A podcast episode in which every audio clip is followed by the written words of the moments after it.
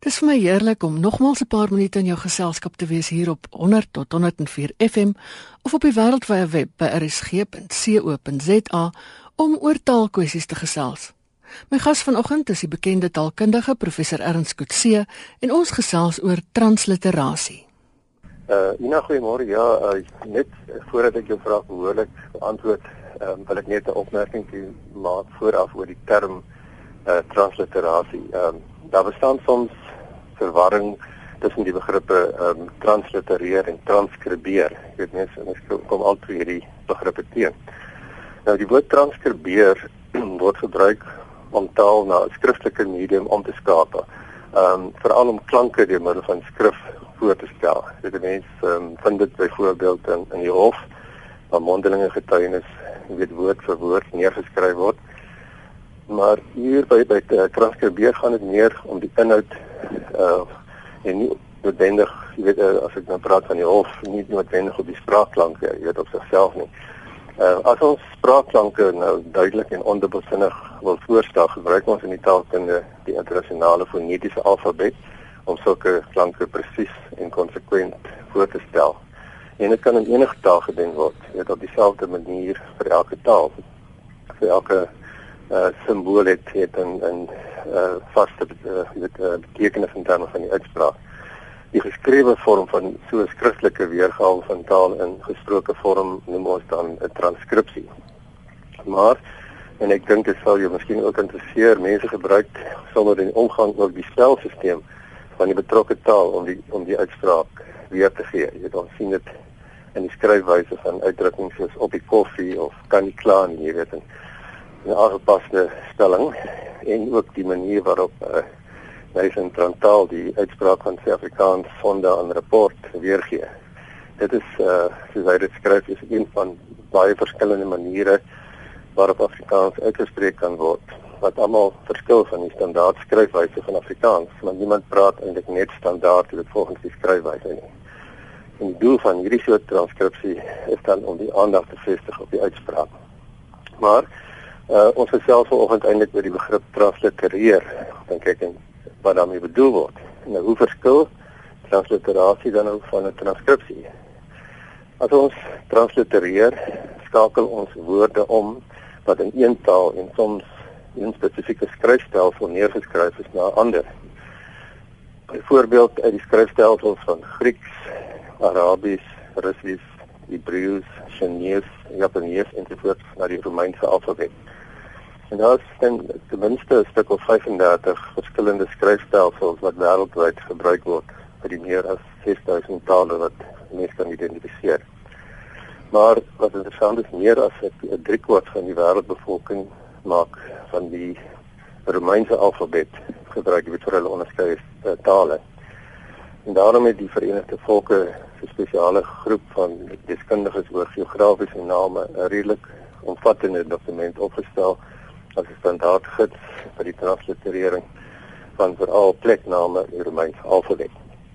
Maar die verskynsel van transliterasie is nie net iets wat voorkom tussen verskillende skryfstelsels. Uh, soos Russies na sien maar die Romeinse alfabet, die Cyrilliese alfabet. In dieselfde skryfstelsel kan transliterasie tussen verskillende tale voorkom. 'n uh, Alfabetiese stelsel soos die Romeinse is gebaseer op die uitspraakkenmerke van elke afsonderlike taal wat dit gebruik. En uh, daarom verskil die klankwaarde van die letters van die alfabet van taal tot taal. Mens kan maar net dink aan hoe die uitspraak van die hoofstad van Italië verskil tussen Engels en Afrikaans. Jy weet Rome en Rome, hoewel dit op presies dieselfde wyse uit die Italiaanse vorm Roma getranslitereer is. Net te loop die Chinese het 'n amptelike romaniseringsstelsel vir Chinese aanvaar, naamlik Pinyin wat gebaseer is op die uitspraak van Mandarijn, 'n Chinese taal wat in die noorde van die land gepraat word, waar dit weet maar verskil van Kantonees wat byvoorbeeld in Hong Kong gepraat word.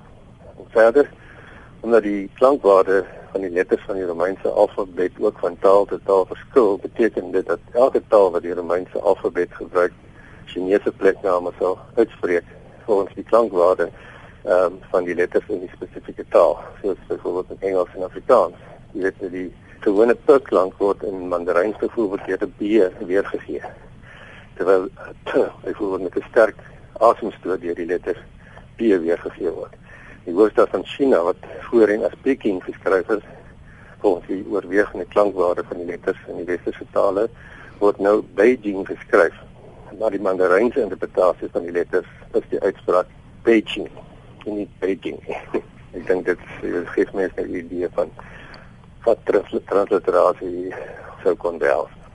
Nou, u self is betrokke by 'n woordeboek oor die geromaniseerde weergawe van Japanees na Afrikaans. Daar is sekere oorwegings en beginsels wat geld by die ontwerp van so 'n stelsel. Hoe werk dit?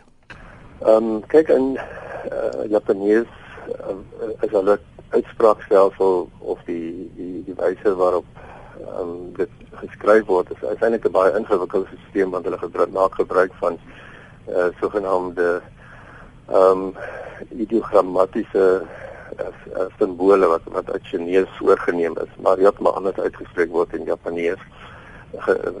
Daarvan maak hulle gebruik, maar dan het hulle ook omdat dit so verskil, Japanees en Chinese taal verskillende tale is, moet hulle moes hulle ook 'n 'n klankstelsel, klankgebaseerde stelsel ont, ontwerp naamlik uh hiragana of katakana vir vir uh, inheemse of ten minste ontleende woorde. En wanneer ons nou dit in in 'n Romeinse alfabet wil skryf, moet moet daardie die uitspraak vorm van Japanees in ag geneem word en dit word alles volgens syllabes gedoen en nie weet volgens individuele klanke soos ons dit ken nie. Byvoorbeeld 'n woord soos Sinama, Yokohama sal vier simbole beteken. En hulle het ook nie byvoorbeeld ehm um, uh wat wat ons uh, ken as diftonge in Japanees nie. So jy weet elke en en da, elke uh, dif uh, silabe eindig in, in Japanees ook normaalweg op 'n op 'n vokaal. So jy weet in geval van jou naam uh Ina Strydom sal dit Ina Sutu Re Dom Mu wees, jy weet. Dit is wat jy dit nou neerskryf. So ehm um, dit sal dan ook in in die Romeinse alfabet uh jy weet moet moet uh, weer weer speel word. Dit is maar een van die baie beginsels. Maar goed, dit was nou net 'n kort antwoord op 'n wat eintlik 'n baie lang vraag kan wees. Nou dit lyk vir my asof dit veral plekname of dan nou eie name is wat getranslitereer moet word. Hoekom is dit so? Ehm um, ja, dit is dit is heeltemal korrek. Ehm um, uh, die beginsel wat bepaal of name van uh, of die plekname of ander name ook in ander tale getranslitereer en soms ook vertaal word. Ehm um, is die uh, relatiewe belangrikheid oor die grense van die betrokke taalgebied heen. Wat da, wat ek daarmee bedoel is ehm um, ek praat nie net van 'n tweetalige land byvoorbeeld soos België nie waar feitelik elke plek na 'n Franse en 'n Vlaamse ekwivalent het soos Brussel en Bruxelles in Frans, Gent en Gand, uh, Kortrijk en Kurtke en so voort. Uh, maar die kontak met die buitewêreld, soos toerisme, godsdienstige bande, sport en so voort is die hoofstede en ander belangrike sentra van Europa byvoorbeeld in verskillende tale op verskillende maniere benoem. Ons noem die buitelandse naam van so 'n plek exoniem. Exoniem is die buitelandse benaming dus en die binnelandse benaming endoniem. En net 'n paar voorbeelde, ehm um, dit Paris is nou die endoniem. En dan kry jy dit in Frans Paris, in Duits Paris en Engels Paris, Afrikaans Parys, Parigi in Italiaans of Milano, Milan, Milan in Afrikaans met twee A's, Mailand in Duits of Moskou, jy weet wat Moskwa is in Russies, Moskou in Duits en Skots, Kopenhagen in uh, die Deense hoofstad Kopenhagen met 'n C in Engels maar 'n K in Afrikaans en uh, Duits. München byvoorbeeld in Duits, uh, Munich, Munich in Engels. Nou in die geval van van die Duitse plekname gebruik ons uh, meestal uh, in Afrikaans ook, weet omdat ons nader verwant is aan Duitsers en Engels, gebruik ons uh, München in die Munich. Of Köln byvoorbeeld. Köln is die die inheemse Duitse benaming van na die Duitse stad wat aan die Ryn lê. Köln in in Nederland, Köln, die een word natuurlik in Nederland uitgespreek, nie maar in Afrikaans wel.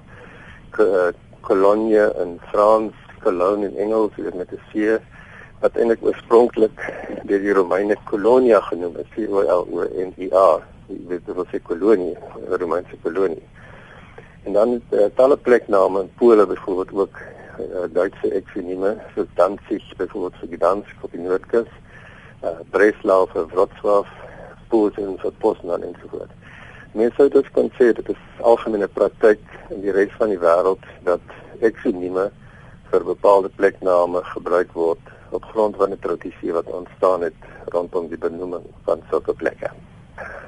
Transliterasie uh, is natuurlik iets wat uh baie keer veral 'n uh, probleem kan wees by by eie name, ehm um, byvoorbeeld sê maar Russiese name van sport, jy weet uh, sportsterre, ehm um, wat mense uh, soms 'n bietjie oor struikel ook nie net Russies nie, maar ook ander tale, jy weet nie tennisspelers se gehoor word en verskillende uitsprake van uh, van hulle naam afhangende van ehm um, die moeite wat die wat die omroeper gedoen het om vas te stel, jy weet, uh wat is daar spesifieke uh spelers wat wat sy naam uitgespreek? En daar's baie bronne, jy mens kan Google, jy kan allerlei ehm um, soektogte onderneem om net 'n bietjie seker te maak voordat jy uh, jou mond oopmaak oor die lug. Ehm um, mens sou byvoorbeeld sê nou maar uh die woord uh, Sharapova byvoorbeeld is eintlik Sharapova omdat dit gebaseer is op die die uh, manlike vorm Sharapov. Jy weet in die A kom dan nou net net by daar's nie 'n verandering in die in die uh, klempatroon wat dit betref nie. Maar ehm um, jy weet ander uh, Kvitova byvoorbeeld. Baie mense dink ja dit moet maar op sy Engels uitgespreek word Kvitova of wat ook al. Maar in Tsjechies is dit Kvitova. Jy weet in die K wat ons wat ons hier kom in daardie tale is en ook in Nederland voorkom het ons in Afrikaans bietjie verloor en ons sê alles kool, jy weet byvoorbeeld mm. 'n ka wat gevolg word hier oor. So ek dink daar is uh op op die gebied van die uitspraak van internasionale wel bekende mense se name ook weet 'n area waar mense 'n bietjie leiding behoort te gee en en te aanvaar dink ek. Um, ek dink as ons by tennis bly, daar's val twee name wat dikwels ook probleme veroorsaak en dis Berdych of Berdig en ja, Djokovic. Dis, dis reg.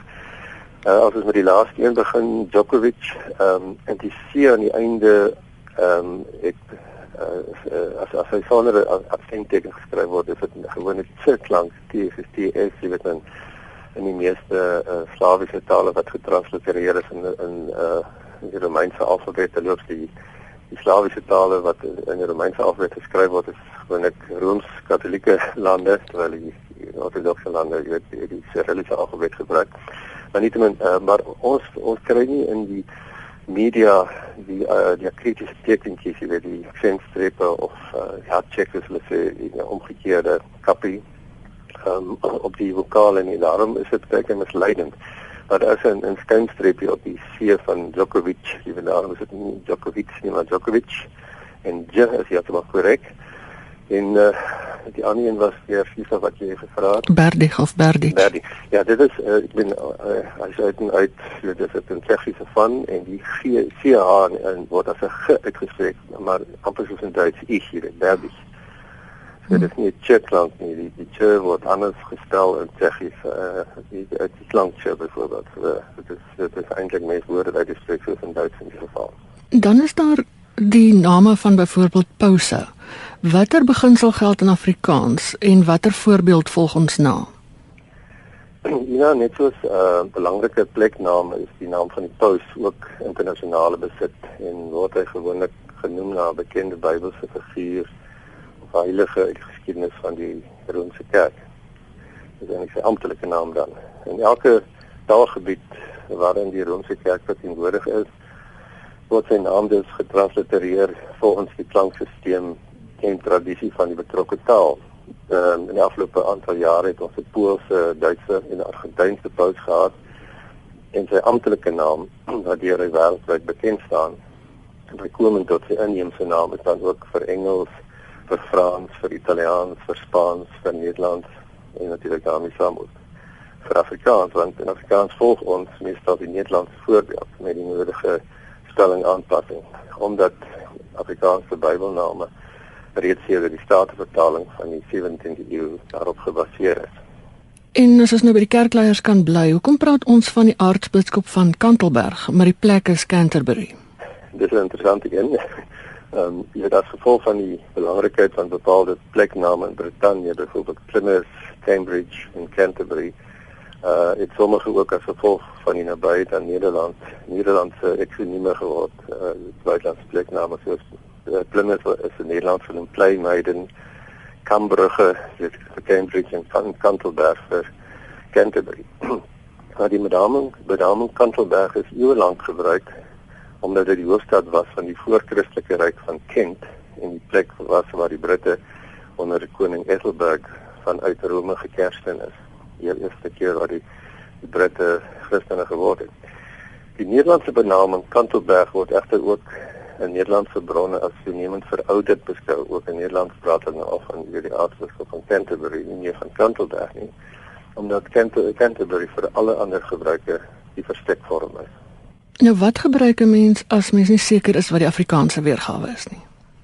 Ja, maar dit is seker maar net gewone goeie verstand mis met raadpleeg 'n goeie tweetalige woordeboek as jy byvoorbeeld weet wat die Engels is en wat spesifiek plekname betref, ehm um, ons staat die jongste Afrikaanse wêreldatlasse ook die korrekte Afrikaanse benamings.